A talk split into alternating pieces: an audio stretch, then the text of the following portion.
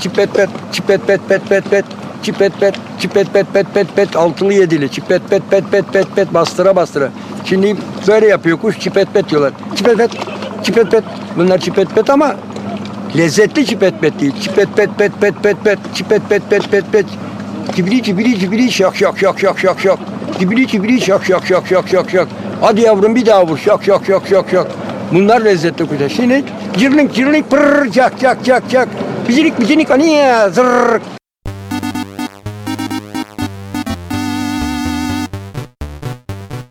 Sizi tenzih ederim.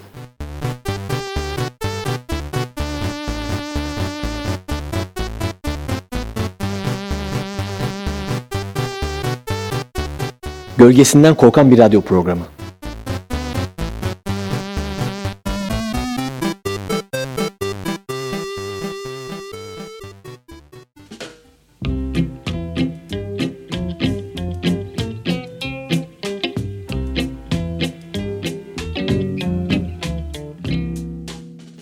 Merhaba sevgili Radyo Karavan dinleyenler. Nasılsınız inşallah? İyisiniz maşallah diyoruz ve 14. programımızı da açıyoruz. Bu programımıza da her zaman olduğu gibi geçen programımızla ilgili aldığımız notları sizlerle paylaşarak başlamak istiyorum.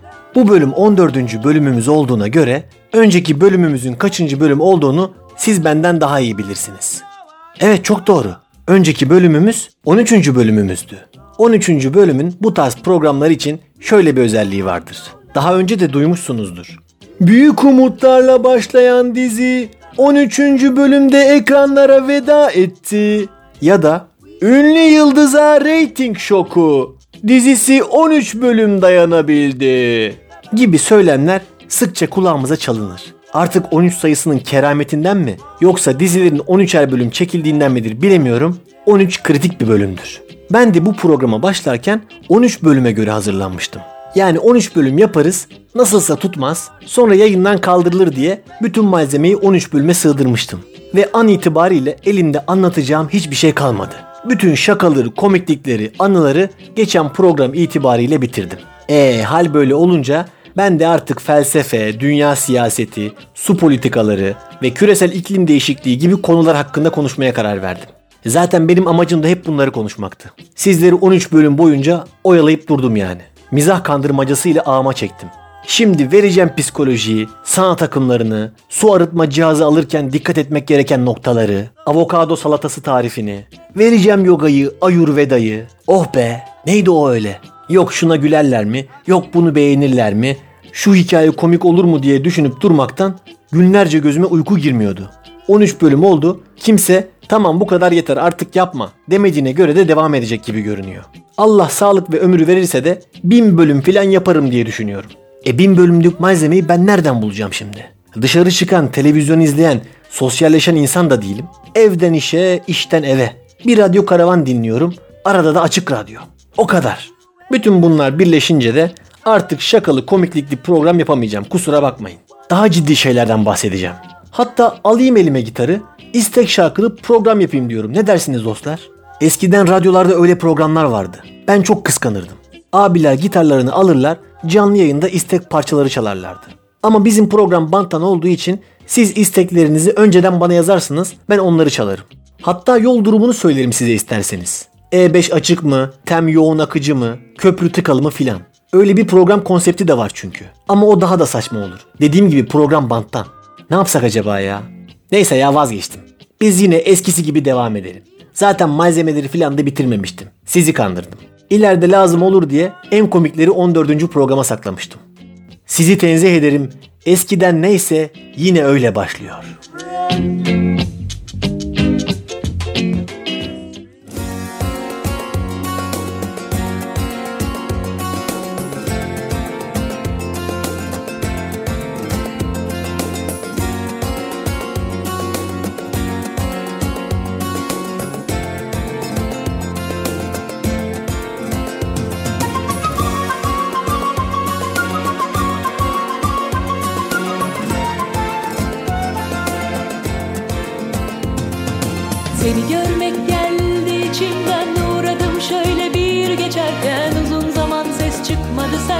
hayırdır ne bu hal ne keder Nedir sakladığım ne ki benden dostluklar ne günler içindir. Utanma aşk her insanı bir kez mutlaka geçirir. bu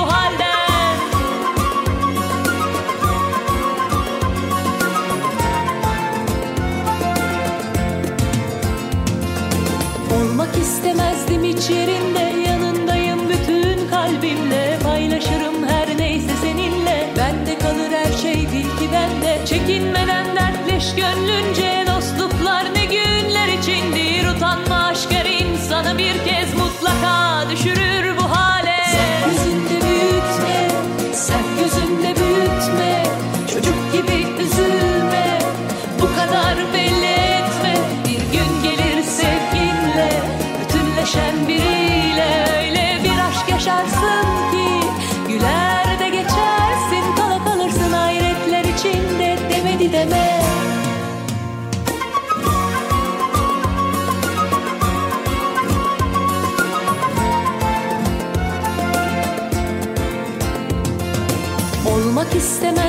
hiç yerinde yanındayım. Bütün kalbimle Paylaşırım her neyse seninle. Bende kalır her şey bil ki bende. Çekinmeden dertleş gönlünce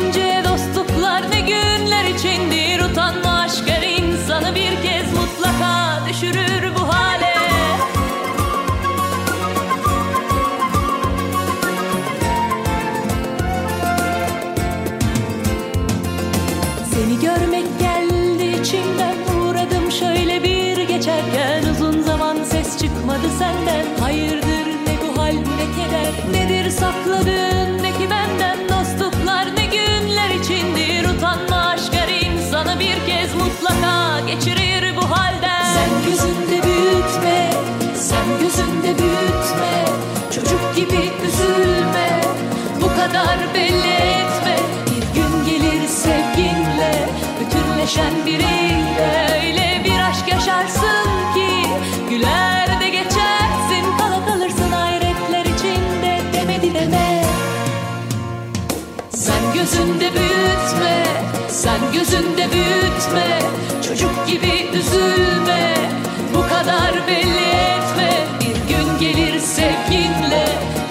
bütünleşen biriyle Öyle bir aşk yaşarsın ki, güler de geçersin Kala kalırsın hayretler içinde, demedi deme sen gözünde büyütme, sen gözünde büyütme Çocuk gibi üzülme, bu kadar belli etme. Bir gün gelir sevginle, bütünleşen biriyle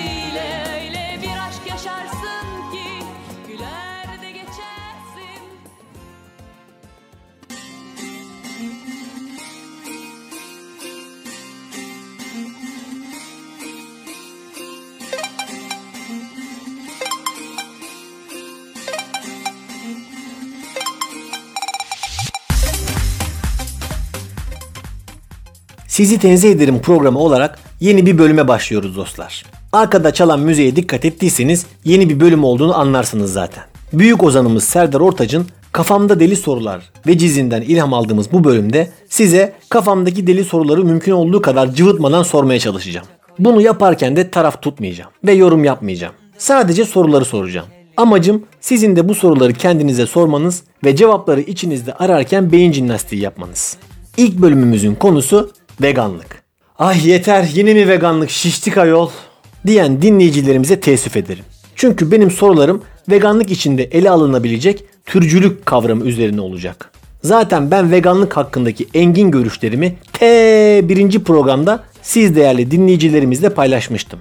O zaman buralar hep bağ bostandı, dutluktu. Merak eden varsa açsın ilk programı dinlesin. Programın ortalarına doğru bu işlerin bu kadar basit olmadığını, herkesin kafasına göre vegan olamayacağını, bir veganlık uleması ve bir alo vegan hattının kurulması gerektiğini, hangi durumlarda veganlığın sakatlanacağını, veganlıkta caiz olan ve olmayan şeyleri Yüksek Veganlar Kurulu'nun belirlemesi gerektiğini uzun uzun anlattım. Gelin veganlık arşivlerini açalım. Bırakın veganlığı veganlar tartışsın dedim.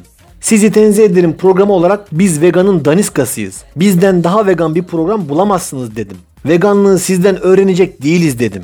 Dedim de dedim dostlar. O yüzden bu konuları tekrar açmak istemiyorum. Benim derdim az önce belirttiğim gibi türcülük kavramı üzerine. Çeşitli platformlarda daha önce de değindiğim gibi bence veganlık tartışmalarında esas mesele insanın insanı ve diğer canlıları nasıl konumladığı üzerinde kilitleniyor. Bu boyutuyla konu beslenme, protein, kanser, B12, ahlak, doğa, çevre, yaşam hakkı, vicdan gibi kavramların çok ötesinde bir insan nedir meselesi. İnsan ve canlılar aynı kefeye konabilir mi, konamaz mı? Ya da konmalı mı, konmamalı mı sorunsalı. Vegan insan ve vegan olmayan insanın temelde ayrıldığı noktaların başında bence bu soru yatıyor. Çünkü bu soruya iki taraf da siyah beyaz gibi zıt cevaplar veriyor. Tartışmayı buradan yürütebilirsek hiç detaylarda boğmadan ana bakış açısı farklılıklarını görmüş oluruz. Şimdi ben size soruyorum. Kafamda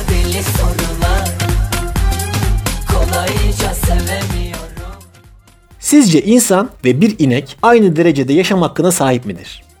Peki bir inek ve bir kedi? Peki bir kedi ile bir fare? Bir fare ile bir çekirge desem mesela? Bir çekirge ile bir sivrisinek? En son olarak da bir sivrisinekle bir karıncayı sorayım. Peki ne kadar küçülebiliyoruz? Mesela bir karınca ve gözümüzle görmediğimiz ama mikroskop altında görebildiğimiz ve varlığını bildiğimiz bir bit ya da bir mikroorganizma aynı yaşam hakkına sahip midir? Bir canlıyı kendimiz kadar yaşama hakkına sahip olarak görebilmemiz için hangi özelliklerinin olması gerekir? Sinir sistemi, zeka, tepki verebilme gibi özellikler yeterli midir? Bilimsel olarak acı çektiği, hissedebildiği, varlığının farkında olduğu ispatlanırsa bir mikroorganizmaya karşı nasıl bir tutum takınmalıyız? Sabah kahvaltı ederken masamıza atlayan bir kediyi sevgiyle kucağımıza alıp yere indirebiliyorken aynı şeyi bir başka memeli olan fare yapsa tepkimizin tümüze vura vura kaçmak olması bizi kötü bir insan yapar mı? Evimizde köpek beslediğimiz halde oturduğumuz apartmanı fareler bastığında ilaçlama şirketini aramamız normal midir? 15 yıllık köpeğimizle geceleri durmadan havlayarak bizi rahatsız eden komşunun köpeği arasında bir seçim yapmamız gerekse, gözümüzü kırpmadan kendi köpeğimizi seçecek olmamız ve komşunun köpeğini ölüme gönderebilecek olmamız normal midir? Peki çok sevdiğimiz bir şarkıcının ölüm haberi bizi Afrika'daki bir kabile savaşında ölen 1500 kişinin ölüm haberinden çok daha fazla üzebiliyorsa ne düşünmeliyiz?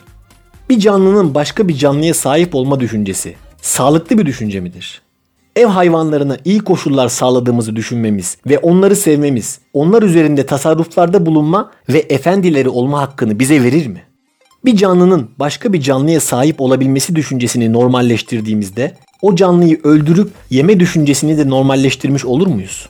Sahip olduğumuzu düşündüğümüz canlılara nasıl davranacağımızı belirleyen kıstaslar nelerdir? İnsanoğlunun köpeği sürüsünü ve ekinlerini korumak için kediyi farelere karşı bir tedbir olarak atı ulaşım aracı olarak evcilleştirmesi ve hep kendi çıkarları doğrultusunda kullanması insanın doğası hakkında çıkarımlara varmamızı sağlayabilir mi? On binlerce yıldır bütün doğasını fayda sağlamak üzerine kurgulayan ve karşısına çıkan her şeyi kendi çıkarları doğrultusunda dönüştüren insanoğlunun bu içgüdüsel davranışı değiştirmesi mümkün olabilir mi? Modern bilimde ilaç üretmek için kullanılan hayvan deneyleri şart mıdır? Eğer şartsa veganların takviye olarak almak zorunda oldukları B12 hapları üretilebilir mi? İnsanoğlunun tarih boyunca dönem dönem karşılaştığı ve milyonlarca insanın öldüğü veba, İspanyol gribi, AIDS, kolera gibi salgın hastalıkların tedavisi ve önlenmesinde hayvansal kökenli maddeler kullanılmadan ya da hayvan deneyleri yapılmadan sonuca ulaşmak mümkün olur mu? Serum, aşı ve ilaçları hayvansal içerik kullanmadan üretmek mümkün olabilir mi? Eğer mümkün değilse böyle bir durumda insan kendi hayatını diğer canlıların hayatından daha üstün görmüş sayılır mı? Benim aklıma ilk anda gelen sorular bunlar. Aslında belki de en güzeli insanoğlunun soyunun tükenmesidir. Çünkü safi zararız dostlar. Bir bilsek de biz de rahatlasak doğa da rahatlasa. Hem doğa kendini hemen toparlayabiliyormuş. İnsandan sonra diye bir belgesel vardı. İnsanoğlunun soyu yarın tükense doğa 100-150 yılda tamamen eskiye dönüyormuş. Bence bunu bir düşünelim. Ayrıca şunu da belirtmem gerek. Yaşam alışkanlıklarıyla sadece bir canlının bile hayatını kurtarabilen ya da acı çekmemesini sağlayabilen insan iyi bir şey yapıyordur. Peki niye şöyle yapmadın? Peki bunlar ne olacak? diye onun çabalarını sulandırmaya ya da haksız duruma çıkarmaya çalışmak bence yanlış bir şeydir. Serdar Ortaç'ın hayvan hakları savunucularına bir sürü sokak çocuğu var siz kedi köpek için uğraşıyorsunuz demesi kadar abestir. Çünkü iyiliğin sırası ve kuralı olmamalıdır. Herkesin duyarlılığı farklı olabilir. Bisiklete binen çocuğunu trafik kazasında kaybeden birinin bisiklet yolları yapılsın diye eylem yapmasına savaşlarda ölen bir sürü insan var sen bisiklet yollarıyla uğraşıyorsun deme hakkımız yoktur. Hiçbir şey yapmadığı halde bir şeylerin daha iyi olması için çaba harcayan insanları eleştirenlere e o zaman diğerini de sen yap kardeşim demek gerekir. Zira Serdar Ortaç'ın Kıbrıs kumarhanelerinde kaybettiği meblağları o çok umursadığı izlenimi yaratmaya çalıştığı sokak çocukları için harcasak sokakta hiç çocuk kalmazdı diye düşünüyorum. Uzun lafın kısası en uzun dini bayramının kurban bayramı olduğu, isminde hayvancılık kelimesi olan bir bakanlığının olduğu, her yıl milyarlarca dolar hayvansal gıda ticaretinin yapıldığı bir ülkede vegan olmak zor ve saygı duyulması gereken bir şeydir. Vegan olmuyorsak da en azından canlarını sıkmayalım. Çünkü bu ülkede karşı tarafa bazı şeyleri açıklamak çok zor olabiliyor. Düşünsenize çocuk vegan olmuş, kurban bayramı sabahı anneannesi kurban kesip sofraya ciğerini getirmiş. Masada dayısı, amcası, teyzeleri, anası, babası, dedesi, eniştesi sen niye yemiyorsun oğlum yesene diye gözünün içine bakıyorlar. Ve çocuk ben vegan oldum çünkü diye veganlığın ne anlama geldiğini ve felsefesini açıklamaya çalışıyor. Karşıdan gelebilecek tepkileri ve soruları düşünebiliyor musunuz? Gerçekten çok sıkıntılı, zor bir durum. Sadece bu yüzden bile yüz binlerce insan vegan olmuyor olabilir. Ya ben şimdi bunlara nasıl laf anlatacağım 10 saat? Aman boş ver ya diye düşünenler olabilir. O yüzden veganlara bu konu hakkında soru sormak yasaklansa ya da daha basitinden insanların hayatlarını yaşama biçimleri ve tercihlerine karışılmasa vegan sayısı şimdikinden kat be kat fazla olurdu diye düşünüyorum. Yalan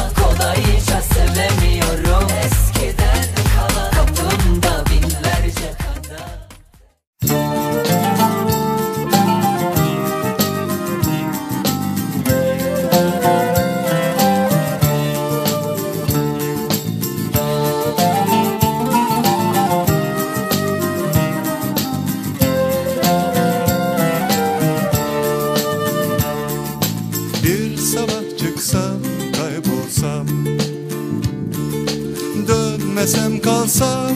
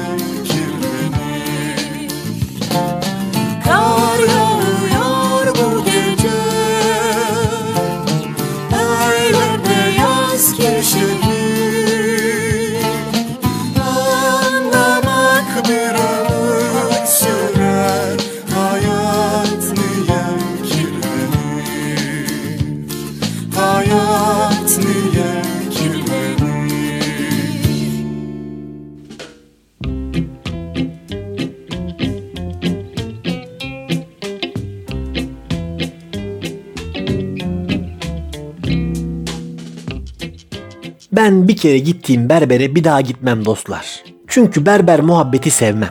İnsanlarla yüz göz olmayı sevmem. Sıkılırım ben. Gerekirse minibüse biner başka semtteki berbere giderim. Ama aynı berbere ikinci kez gitmem. Ama son zamanlarda bu prensibimi çiğnememe neden olan bir berberle tanıştım. Kendisine defalarca gidip saçımı sakalımı kestirttim. Çünkü adam dilsiz. Hiç konuşmuyor. İki berber çalışıyorlar. Diğeri acayip geveze. Müşterisiyle etmediği muhabbet kalmıyor. Benimki ağzını açmıyor. Neredeyse saçlar nasıl olsun diye bile sormayacak. O seviyede. Geçen gün sakallarımı düzeltiyor. Durup dururken bıyıklar dedi. Sonra aynadan birbirimize bakmaya başladık. 10 saniyenin sonunda yine bıyıklar dedi. Dedim ne diyor lan bu manyak? E, soru cümlesi tam olarak ne diye sordum. Bıyıkları açalım mı dedi. Açalım dedim. Bu da biraz fazla suskun diye düşündüm. Bir keresinde de seçimlerden hemen önce gittim. Yan koltukta alevli bir seçim muhabbeti dönüyor. Siyasi tartışma programı gibi tartışıyorlar. Bu da kendini kötü hissetti herhalde. Bizim neyimiz eksik diye düşünmüş olmalı ki sence seçimler ne olur abi diye sordu. Hayırlısı olsun dedim. Bence de dedi. Muhabbetimiz bitti. İyi de kesiyor namussuz. Hayalimdeki berber yani. Aman nazar değmesin. Ama bu berberi bulana kadar ne berberlerin elinden geçtik belli değil. Ben saç kestirmeyi hiç sevmem. Sırf bu yüzden üniversitede metalci oldum. 6 sene berbere gitmedim. Berberlikte sevmediğim ritüeller vardır çünkü. Yakalı bir tişört ya da gömlek giydiysen o yakaların berber tarafından kıvrılıp içeri katlanmasına uyuz olurum mesela. Kafanın lavabonun içine sokulup hunharca yıkanmasından, her defasında helelele helelele diye boğulma tehlikesi atlatmaktan, ağzına burnuna suların kaçmasından nefret ederim. En sonunda da kafana havluyu sarıp seni geriye aldıklarında sanki bir bebek gibi olursun. Havluyla kafanı kurularlarken ıslak gözlerle sümüklü burunlarla aynaya bakar kendinden nefret edersin. Zaten ellerin boğazından sıkılmış önlüğün altında kalmış. Elinle bir şey göstermeye yapmaya çalışsan bir saat örtünün altından elini çıkartamazsın. Adam bir de o halde sana sorar. Bir şey içer misin abi? Ulan nasıl içeyim? Mezuniyet cübbesi giymiş çocuk gibi oturuyorum burada. Ellerimi dışarı çıkaramıyorum. Zaten her taraf kıl tüy içinde. Bıyığımı kessen gözüme kıl kaçıyor. Ne çayından bahsediyorsun sen? Bir de adamı o halde bırakıp sigara içmeye kapının önüne çıkan berber gördüm. İşte insanın kendiyle yüzleştiği, ben kimim sorusunu sorduğu anlar bu anlar. Sonra eline iki tane pamuk alır, kulaklarının içine sokup temizler. Sonra onlara birkaç saniye bakıp tiksinmiş gibi yere atar. E şimdi kadın dinleyicilerimiz şaşırmıştır. Nasıl yani sizin saçınızı lavaboya sokup mu yıkıyorlar diye. Vallahi biz de sizin kuaförlerde lavabo olmadığını öğrendiğimizde çok şaşırıyoruz. Hatta bunu bilmeyen erkek dinleyicilerimiz için tekrarlayayım. Arkadaşlar kadın kuaförlerinde lavabo yok. Çok saçma ama gerçekten yok. Tezgah var, lavabo yok. Ben böyle saçmalık görmedim. E dedim peki saçınızı nasıl yıkıyorlar? Kafamızı geri doğru yaslıyoruz. Orada özel küçük bir lavabo var dediler. Vay anasını dedim ya. Kadınlar bu konuda erkeklerin 100 yıl ötesinde. Hatta erkekleri çok şaşırtacak bir bilgi daha vereyim. Arkadaşlar kadın kuaförleri salı günleri kapalı. Çok saçma ama öyle işte. Aralarında gizli bir anlaşma yapmışlar gibi hepsi salı günleri kapalı. Resim dersi verdiğim sırada öğrencilere berber ve müşterisi kompozisyonu çizdiriyordum. Kız öğrenciler tezgahları çiziyorlar, lavaboyu çizmiyorlar. Allah Allah. Evladım niye çizmiyorsunuz lavaboyu, musluğu falan diyorum. Hocam ne lavabosu? Lavabonun orada ne işi var diyorlar. Gerçekten çok enteresan. Bir de çok acayip olaylardan biri masaj yapan berber konseptidir. Benim başıma iki kez geldi. Adam bildiğin saç tıraşının sonunda kafana, boynuna, omuzlarına falan masaj yapmaya başlıyor. Ne münasebet ya? Ben huylanırım masajdan kardeşim. Sen niye beni sormadan mıncıklıyorsun? Hatta bir keresinde berber bana masaj yaparken üst kattan aşağıya inek derisi desenli kovboy şapkası takmış bir adam indi. Dedim ben nereye düştüm lan? Bunlar bana dalmadan şuradan bir gideyim diye kendimi zor attım dışarı. Kulak kılları yakılır bir de berberde. Onun da hastasıyım. Makasın ucuna pamuk sıkıştırır, kolonya döker, çakmağa çakar bir havalar, sanırsın mandrake. Sonra kulağına vura vura kıl yakarlar. Bir berber anısı hatırlıyorum. Adam sakal tıraşı olmuş, suratına da bolca kolonya sürmüşler. Sonra dur abi kulak kıllarını da yakalım iki dakika demiş berber. Yanan makası bir vurmuş, adamın suratı tümden alev almış. Yüzünde kolonya olduğundan alev topuna dönmüş kafası. Hayalet sürücü gibi olmuş. Hemen havluyla falan kapatıp söndürmüşler yangını. Bu kadar berberlerden bahsedip de yarasa berberden bahsetmemek olmaz. Reha Muhtar'ın şov ana haberi sunduğu zamanlarda yarasa berber Şenol Demir diye bir fenomen vardı. Bu abimiz Sakarya'da yaşayan bir berber. Ve müşterilerini tavandaki bir demire baş aşağı asılarak tıraş ediyor. Buraya kadar olabilir. Ama işin ilginç tarafı müşterisi de var. Bir de bu kadar manyaklık yetmiyormuş gibi baş aşağı tıraş yaparken şarkı söylüyor. Abi ona ne gerek var? Baş aşağı tıraş yeterince ilginç zaten. Bize yeter yani o. Şarkıya lüzum yok. Zaten söyleyemiyorsun da. Beyne fazla kan gittiğinden sözleri karıştırıyorsun. Hiç girmesen ona. Bir de Güney Kore televizyonundan Türk berber kültürüyle alakalı çekim yapmışlar. İnşallah bu görüntüler dünyadaki beklentiyi yükseltmemiştir. Yalnız benim gözlemlediğim kadarıyla yarasalık berberlik mesleği için pek uygun değil. Çünkü berberlik sürekli hareket edilmesi gereken bir meslek. Müşterinin etrafında dönülen bir iş. Yarasa berber bir asılıyor, hep sabit kalıyor. Öyle olmaz. Gerçek yarasalık bu değil. Ben o yüzden illa yarasalık yapılacaksa masa başı işlerinin daha uygun olacağını düşünüyorum. Mesela bir yarasa grafiker ya da yarasa mali müşavir, yarasa yeminli tercüman, yarasa noter, yarasa muhasebeci daha mantıklı olur gibime geliyor.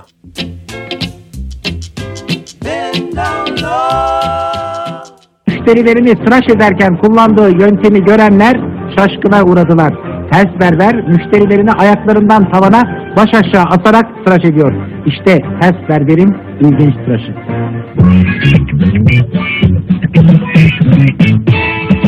Aradığımız bir berber dükkanı ama bu bildiğimiz berberlere hiç benzemiyor.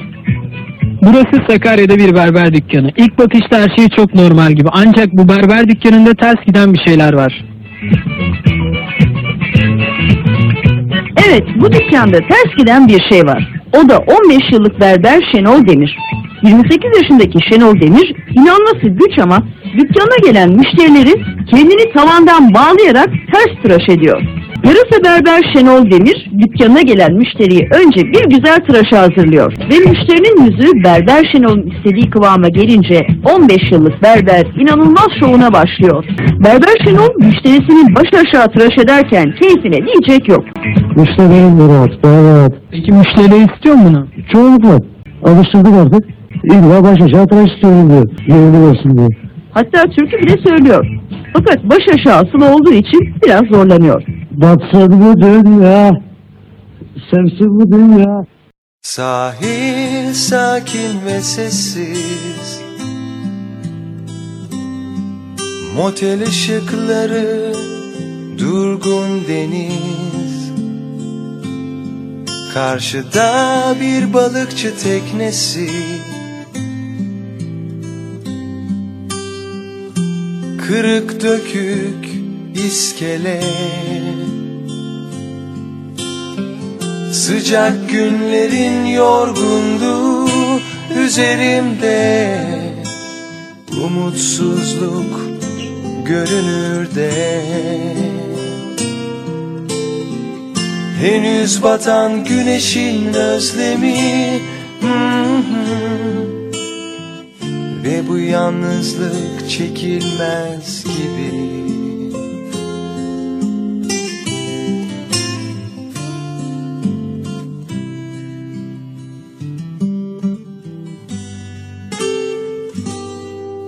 Sahil sakin ve sessiz.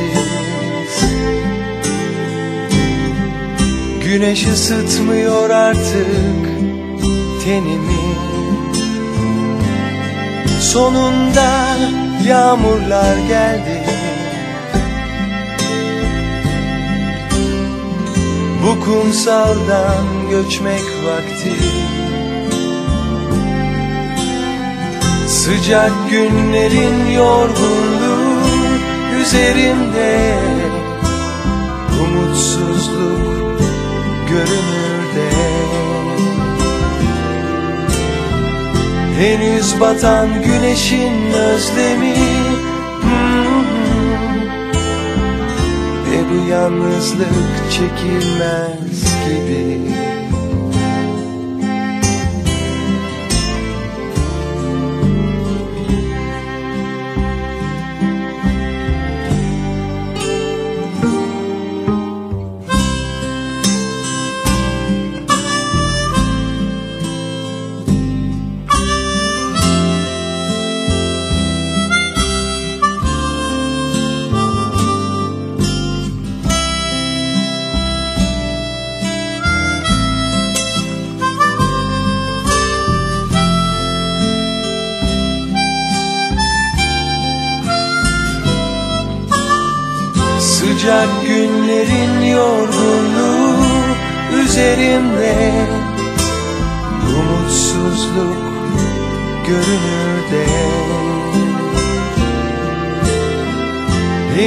batan güneşin özlemi.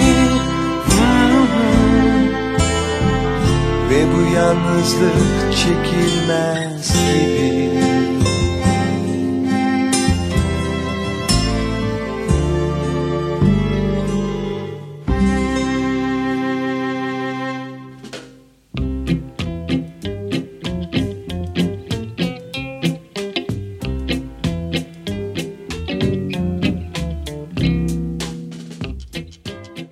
Üniversitenin ilk yıllarında saçlarım uzunken artık kime özendim tam hatırlamıyorum. Dedim ben saçımın arasına bir tutam renk attırayım. Ve bu işi bizim erkek berberleri beceremez, kadın kuaförüne gideyim.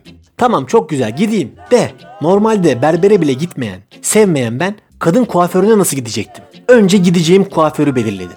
Birkaç kere erkenden gidip kaçta açıldığını tespit ettim. Müşterilerini, çalışanlarını uzaktan uzaktan inceledim. Bildiğin suikast öncesi keşif yapan seri katil gibi, sapık gibi gidip geldim. Bir defa tam girecekken başka bir müşteri girdi. Hemen koşarak kaçtım. Çünkü ben oradayken başka hiç kimse olmamalıydı. Çünkü bir erkeğin kadın kuaföründe bir tutam da olsa saçına balyaj yaptırması utanç verici ve yanlış anlamalara çok müsait bir durumdu. Günler sonra beklediğim an geldi.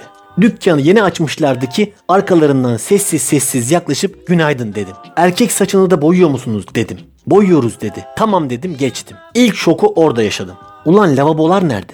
Her tarafta dergiler filan var. Lavabo musluk yok. Sonra ben derdimi anlattım. Bir tutam dedim. Belli belirsiz olsun dedim. Kahverengi gibi olsun dedim. Sakın çok açık renk olmasın dedim. Güneşte yanmış gibi doğal olsun dedim. Başladılar çalışmaya. Kırıklarımı aldılar, fırçayla boyadılar, alüminyumla sardılar, başka odaya alıp kafamı arkaya yatırıp yıkadılar. Bir de fön çektiler. Bir baktım aynaya. Dedim bu ne koyayım. Komşusunun kızının nikahına giden Makbule teyze gibi olmuştum. Kurt Cobain olma hayalleriyle girdiğim kuaförden Zeki Müren olarak çıktım. Adeta sanat güneşi gibi parlıyordum. İşin kötüsü oradan çıkıp metronun genel merkezine gitmem gerekiyordu. O zamanlar metro müzisyenliği yaptığımdan her ay yenilemem gereken izin kağıdımı yenilemek için metro genel merkezinin idari işlerden sorumlu birimine çıktım. CHP kadın kolları saçımla en son girmem gereken yere girmiştim. Bütün gözler üzerime çevrildi. Oradaki bütün kadınlardan daha bakımlı görünüyordum. Bir sokak müzisyeninden beklenmeyecek bir performans sergiliyordum. Sanırım bana o zaman biraz gıcık kaptılar.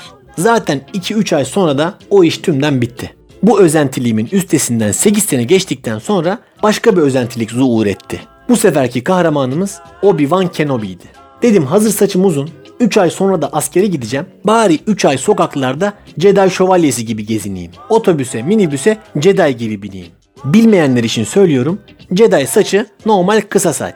Sadece kulak arkasından bir karış kadar uzun bir kısım iniyor. Onu da belik belik örüyorsun. Oldu sana Obi-Wan Kenobi. Tek bir farkla. Bunu Evan McGregor Star Wars aleminde yapıyor. Ben kendim olarak Cevizli Bağ'da yapıyorum. Tamam yapalım ama yine berbere gitmem lazım. Ben uzun saçından bir tutam aldım, ördüm.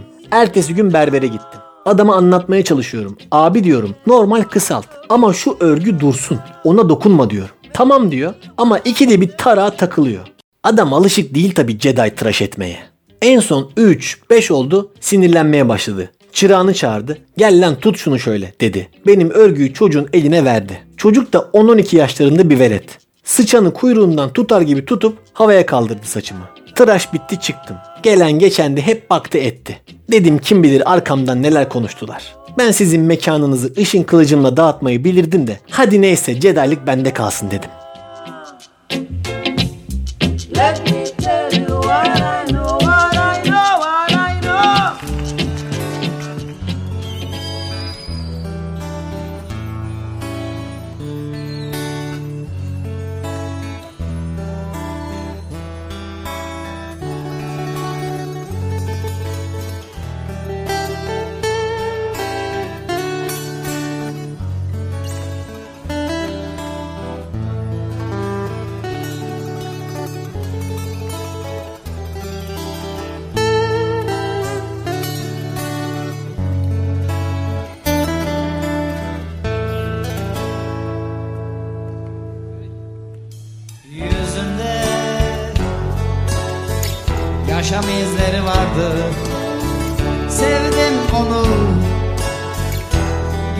Görünce birden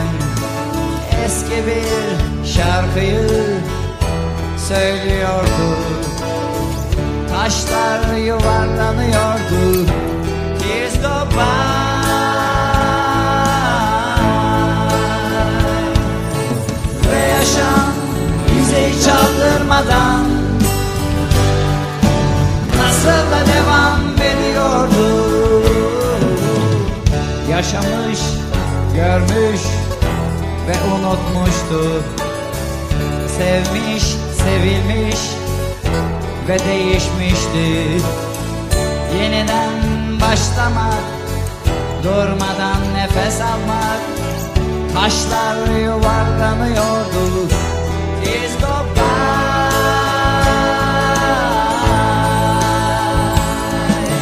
Ve yaşam bize hiç aldırmadan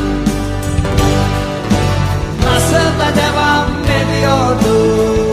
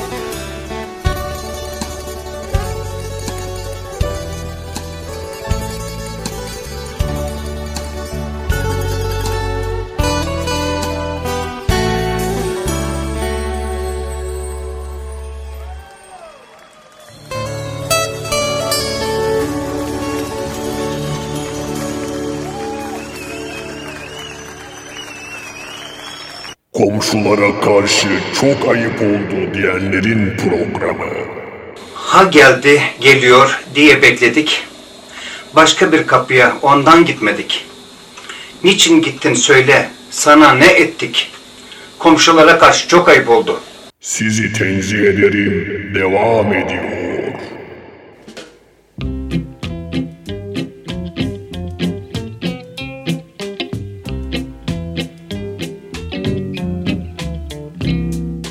Ben şans oyunu oynayan biriyim dostlar. Düzenli olarak sayısal loto oynamam ama içimden gelirse de acımam hemen yapıştırırım.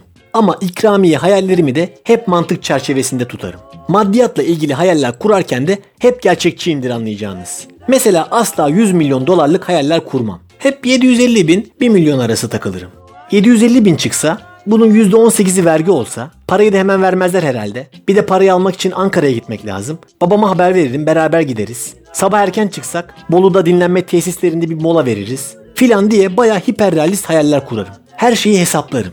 Yani görseniz hayal demezsiniz. İnsan büyük ikramiye hayalinden vergi kesintilerini düşer mi ya? Ama ben düşüyorum işte. Futbolcu olduğum hayallerde bile oyuna hep sonradan girerim ben. Her neyse sayısal lotoda daha 3'ün üzerini göremedim. Daha önce de bahsettiğim gibi zaten uzmanlık alanım iddia. Sayısalı az oynuyorum. Ama bu tarz şans oyunlarında bebeklere, çocuklara çok güvenilir. Hani onların bir saflığı, masumluğu var ya. Sanki mevzunun temiz kalplilikle, iyi yüreklilikle bir alakası varmış gibi onlara oynatılır. Halbuki fazlasıyla matematiksel bir hadise. Ben de bizim ufakla 3 tür denetiyorum ama daha muvaffak olamadı. Önce kazı kazan çektirttim, bir amorti tutturdu. Sonra sayısal oynattım, hiç tutturamadı. 2,5 yaşındaki çocuk kumarı alıştıran klasik Türk babası konseptiyim yani. En son yine sayısal loto bayisinin önünden geçiyoruz. Bu arada sayısal loto çekilişleri eskiden sadece cumartesi olurdu. Şimdi hem çarşamba hem cumartesi olmuş. Bu da ekonomik gidişat hakkında bize bir fikir verebilir. Geçiyoruz bayinin önünden. Hadi kızım doldur bir kupon dedim. Çocuk daha doğru düzgün kalem tutamıyor. Nasıl dolduracak 10 kolonu? Baktım baba baba şunu şunu diye bir şey gösteriyor. Hazır oynanmış kuponlar var. Onu gösteriyor. Dedim bravo mantıklı. Bu yaşta babasından daha akıllı. Ama sayısal lotoyu göstermiyor. Şans topunu gösteriyor. Oo dedim. Bu bir işaret. Şans topundan da hiç anlamam. Biraz karışık çünkü. 2 artı 1, 3 artı 1 filan var. Sonuçlarına bakması bile zor yani. Neyse çocuk o kadar göstermiş. Alacağız artık dedim. 4 kolonluk bir şans topu kuponu aldık. 3-5 gün geçti. Çekiliş yapıldı. Hanım açtı interneti bir baktık 2 artı 1 tutturmuş. E dedik kaç para kazandık şimdi? Hemen açtık 2 artı 1'in karşısında 50.061 gibi bir şey yazıyor. Bir sevindik. Ulan ne güzel havadan 50 lira kazandık. Tam da bayram öncesi. Çocuğa bir oyuncak alalım bari bu parayla. O kazandı sonuçta dedik. Ben hemen kuponu bozdurmaya gittim. Giderken de dedim ayaklı karaoke mikrofonları falan var. Ondan alırız çocuğa sevinir. Gittim bayiye kuponu kontrol ettirdim. 6 TL ikramiyesi var. Parayı mı istiyorsunuz yoksa oynayacak mısınız dedi. Dedim nasıl olur? Biz evde baktık 50 TL diyordu. Yok 6 TL dedi adam. Zaten 2 artı 1'e ben hiç o kadar verdiğini görmedim dedi. Yok ya biz baktık dedim. Bir açtım telefonu 2 artı 1 yazıyor. Yukarıda tutturan kişi sayısı yazıyor. 50.061. Ana dedim. Biz yanlış bakmışız kusura bakmayın dedim. İkramiye yerine 2 artı 1 tutturan kişi sayısına bakmışız. Aldım 6 TL'yi. Zaten 4 TL kuponun fiyatıydı. 2 TL kaldı geriye. Dedim çocuğa 2 TL'lik bir oyuncak alayım. Sonuçta o kadar kazandı. Ekonomiyi de öğrensin. Girdim oyuncakçıya. E şu içine su koyup üfleyince bülbül gibi öten düdüklerden var mı dedim. Var dedi. Kaç para dedim. 2,5 TL dedi. Sepetten aldım bir paket. Verdim 2,5 TL. Bizim ufaklığın 50 kuruş borcu olsun bana dedim. İleride çalışır öder. Çıktım oyuncakçıdan. Bir baktım pakette 2 tane düdük var. Ulan dedim ne şanslıyım ha. Deli gibi de merak ediyorum nasıl ses çıkarıyor diye. İçine su koymak lazım ama. Sabırsızlığım ağır bastı. Gittim bir büfeden 1 TL'ye de su aldım. İçine döktüm. Düdüğü bir öttürdüm. Anam o ne? Adeta bir kanarya, bir saka, bir bülbül gibi ötüyorum. Arnavut Şevket gibi çipet pet pet pet, çipet pet pet pet, cibiri cibiri cibiri şak şak şak şak şak, aniya diye eve doğru yürümeye başladım. Ben yanlarından geçtikçe insanlar kafalarını yukarı kaldırıp kafeste öten kuş aramaya başladılar. Ve maşallah sesi de 3 mahalleye yetecek güçte bir düdük almışım. Ben gittim eve, al kızım sana düdük aldım dedim. Doldurduk suları, başladık salonda karşılıklı ötmeye. Ama ne ötmek? Adeta şakıyoruz. Karşılıklı düetler, potporiler havada uçuşuyor. Şöyle seslerin 10 dakika boyunca sürdüğünü düşünün.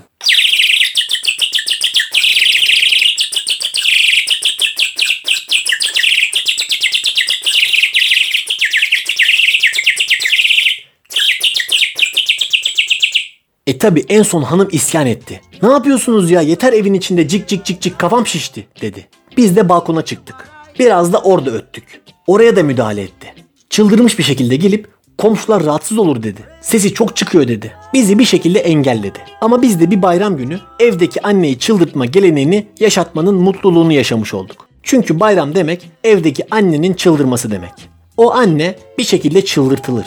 Bayramda büyükleri ziyaret etmek, el öpmek nasıl bir gelenekse evdeki anneyi çıldırtmak ve bağırtmak da öyle kadim bir gelenektir. Mesela ben kendi annemi çok güzel çıldırtırım ve bunun için hiçbir şey yapmama gerek olmaz.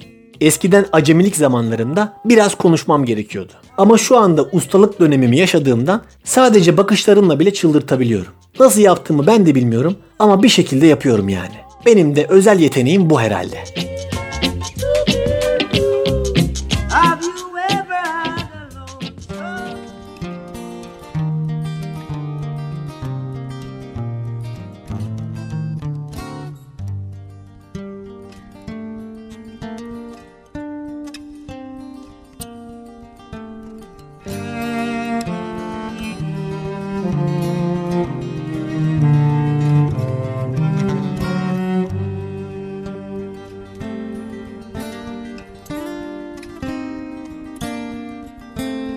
Tüm yaşantım siyah bir bayrak üzerindeki tek beyaz yıldız sensin.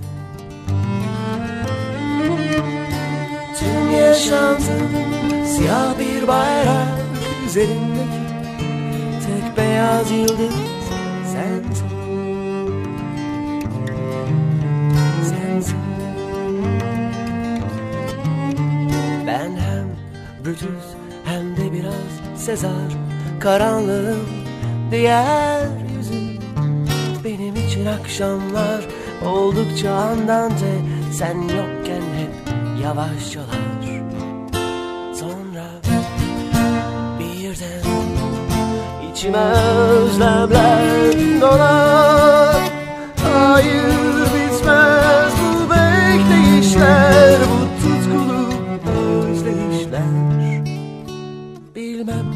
Sana da olur mu böyle kendini? Yapyalnız hissedişler Tüm yaşantım siyah bir bayrak üzerindeki tek beyaz yıldız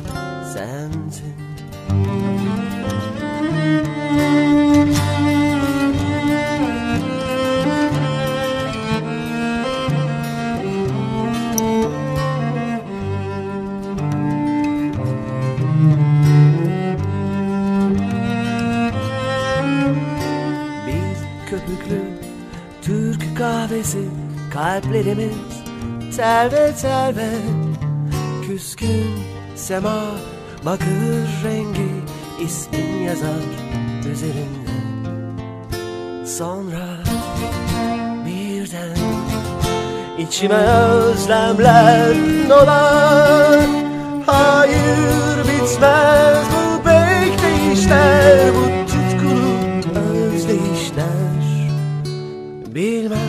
sana da olur mu böyle kendini? Yapyalnız hissedişler Tüm yaşantım siyah bir bayrak Üzerindeki tek beyaz yıldız sensin. Tüm yaşantım siyah bir bayrak Üzerindeki tek beyaz yıldız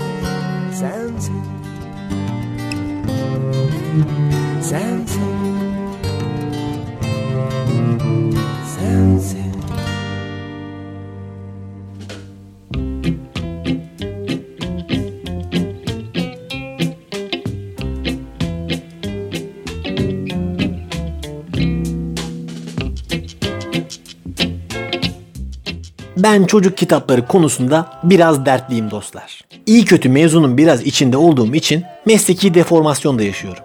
Bir şekilde iyisiyle kötüsüyle eve bir sürü kitap giriyor. Hem konusu, hem dili, hem anlatımı, hem çizimi iyi kitap bulmak çok zor. Hele bazıları var evlerden ırak. Bazı yabancı kitaplar fazla artist. Konular hep aynı. Uçuk hayaller kuran bir kahraman var. Hayallerinin peşinde koşuyor. Etrafındakiler ona beceremeyeceğini, yapamayacağını, edemeyeceğini söylüyorlar ama o hayal kurmaya devam edip başarıyor. Ama ne orijinal. Son 10 yıldır yapılan neredeyse bütün Amerikan animasyonlarının konusunun aynı olması gibi. Ya zaten çocuk kendiliğinden öyle. Sen çocuğu bıraksan onun hayal gücü senin düşündüğünün kat be kat fazlası zaten. Sen niye çocuğa çocuk propagandası yapıyorsun? Onun doğal hali o. Başka konunuz mu yok? Ha bir de şu var mesela bir kutu çizmiş. Bu bir kutu mu? diye soruyor. Evet kutu diyorsun. Hayır o bir kutu değil. O bir yarış arabası diyor. Başka bir kitapta da bu bir kitap mı diye soruyor. Evet kitap diyorsun. Hayır o bir kitap değil. Aslında o bir uçak. Ya bir s**tir git ya. Ya bir şeyde olduğu gibi olsun. İlla hayal gücünün konu çıkaracaksınız yani. Bu bir sandalye mi? Yok ebenin mı? Tövbe estağfurullah ya. Bunlar yine iyi. Bizimkilerin bazı yaptığı kitaplar var. Bildiğin sabah kuşağı kadın programı gibi. Bir tanesini çok kısa anlatayım. Konusu şu. Bir ormanda yaşayan hayvanlar var. Fili, maymunu, ayısı, kunduzu. Bir fırtına çıkıyor. Bunların evleri yerle bir oluyor. Sonra işbirliği yapıp yardımlaşıp evlerini hep beraber tamir ediyorlar. Hikaye bu. Ama öyle bir dil kullanmışlar ki insanın içi parçalanıyor. Fırtına her şeyi yıkıp geçtikten sonra ortalık yerde toplanıp birbirlerine dert yandıkları bir bölüm var. Hayvanların birbirine kurdukları cümleleri aynen okuyorum. Fil diyor ki Ah dostlar ah benim evimin çatısı da uçtu. Uçtu da kim bilir nerelere kondu. Bunu duyan ayı diyor ki Of of dostlar of. O da bir şey mi? Asıl benim evimin kapısı kırıldı. Ne de güzel ahşaptandı. Yani bu cümleleri biraz daha devam ettirsen çoluk çocuk karda kışta açıkta kaldık. Ne yeriz ne içeriz. Devletten hiçbir yetkili yok. Seçim zamanı gelip buralara ruhsat verdiler. Şimdi dere taşınca yaparken bize mi sordunuz diyorlar. Haram olsun verdiğimiz oylara. Noktasına gelecek gibi duruyor. İki buçuk yaşındaki çocuğu rakıya başlatacaklar. Hadi sonuçta bunları kendileri yazmış, kendileri çizmiş diyorsun. Bir de şöylesi var. Dünya masal klasiklerini baştan yazıp çizmişler. Ayrıca sesli kitap haline getirmişler. Düğmeleri basınca her sayfada yazan yazıyı sesli olarak okuyor. En sonunda da masalın ana fikriyle alakalı olduklarını düşündükleri bir şarkı bestelemişler. O çalıyor. Ama şarkılar rezalet. Çirkin Ördek Yavrusu masalı var mesela. En sonunda çalan şarkı şu.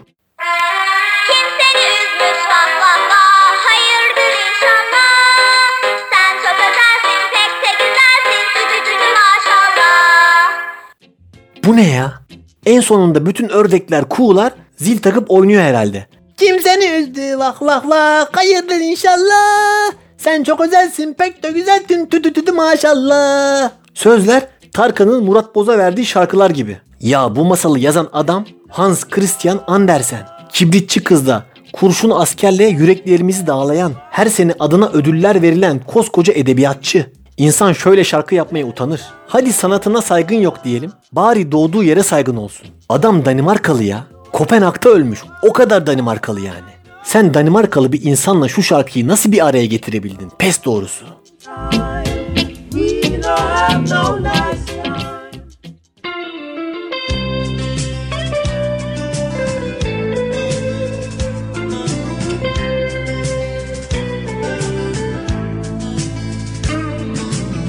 Ayrılıktan mıdır nedir? Kavuşma isteği bu gayret. Seneler geçti eskimemiş Bu sevda hayret.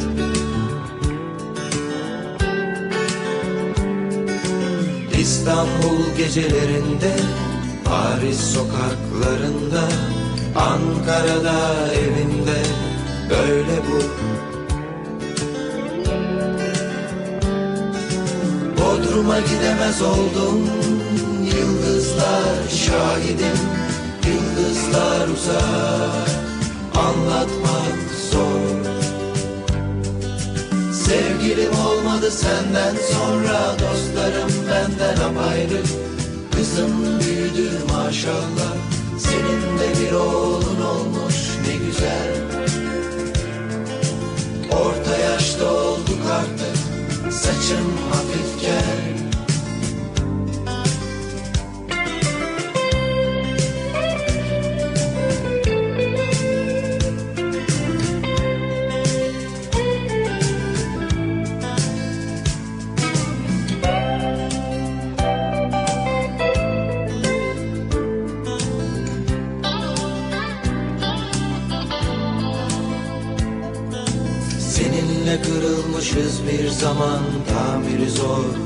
bilirsin. Kırık Kalpler Derneği'nde suskunuz. Son bir denemeye ne dersin? Ödemeler peşin bu sefer. Ümitler en kolay becerdi Kelimeler kafi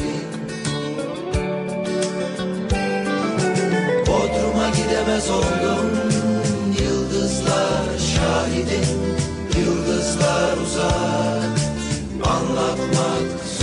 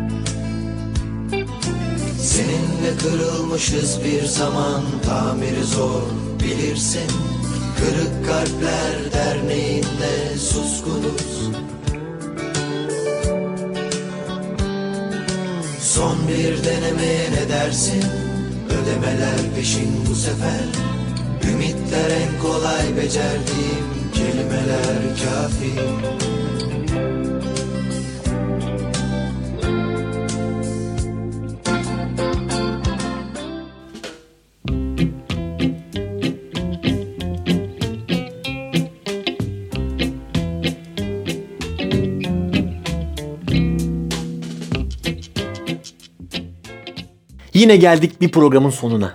Ben size aslında bu programda ne güzel dut dalıyla su bulanları, metal kaşığı düşünce gücüyle bükenleri ve benim bizzat sahip olduğum doğaüstü bazı güçleri anlatacaktım. Ama zaman kalmadı. Hepsini kısmet olursa 2 hafta sonra anlatacağım. Siz de o vakte kadar biraz merak edin. Bir dahaki programda görüşmek üzere. Hoşçakalın.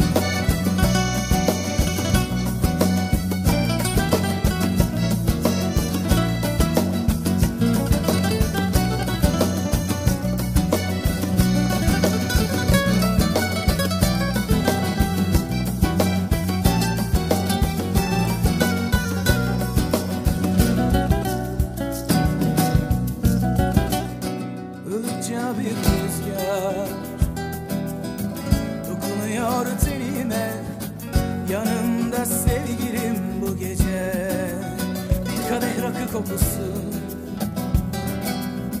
Bir an eyler gönlümü Hele o teninin kokusu. Denizde bir huzur bir yorgunluk. Coşkumun sonu yok gezelim içelim içelim bu gece. İçelim sabaha kadar Akdeniz gecelerinde. Yüreğim yandı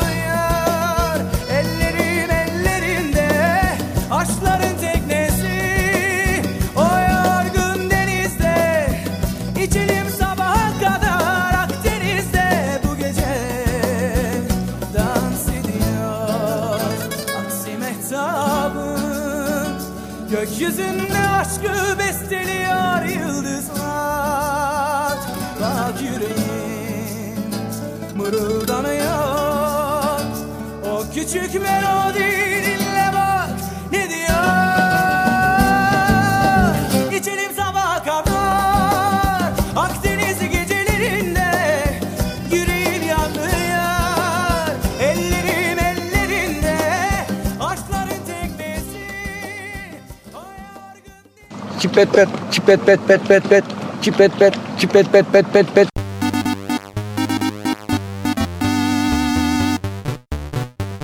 Sizi tenzih ederim.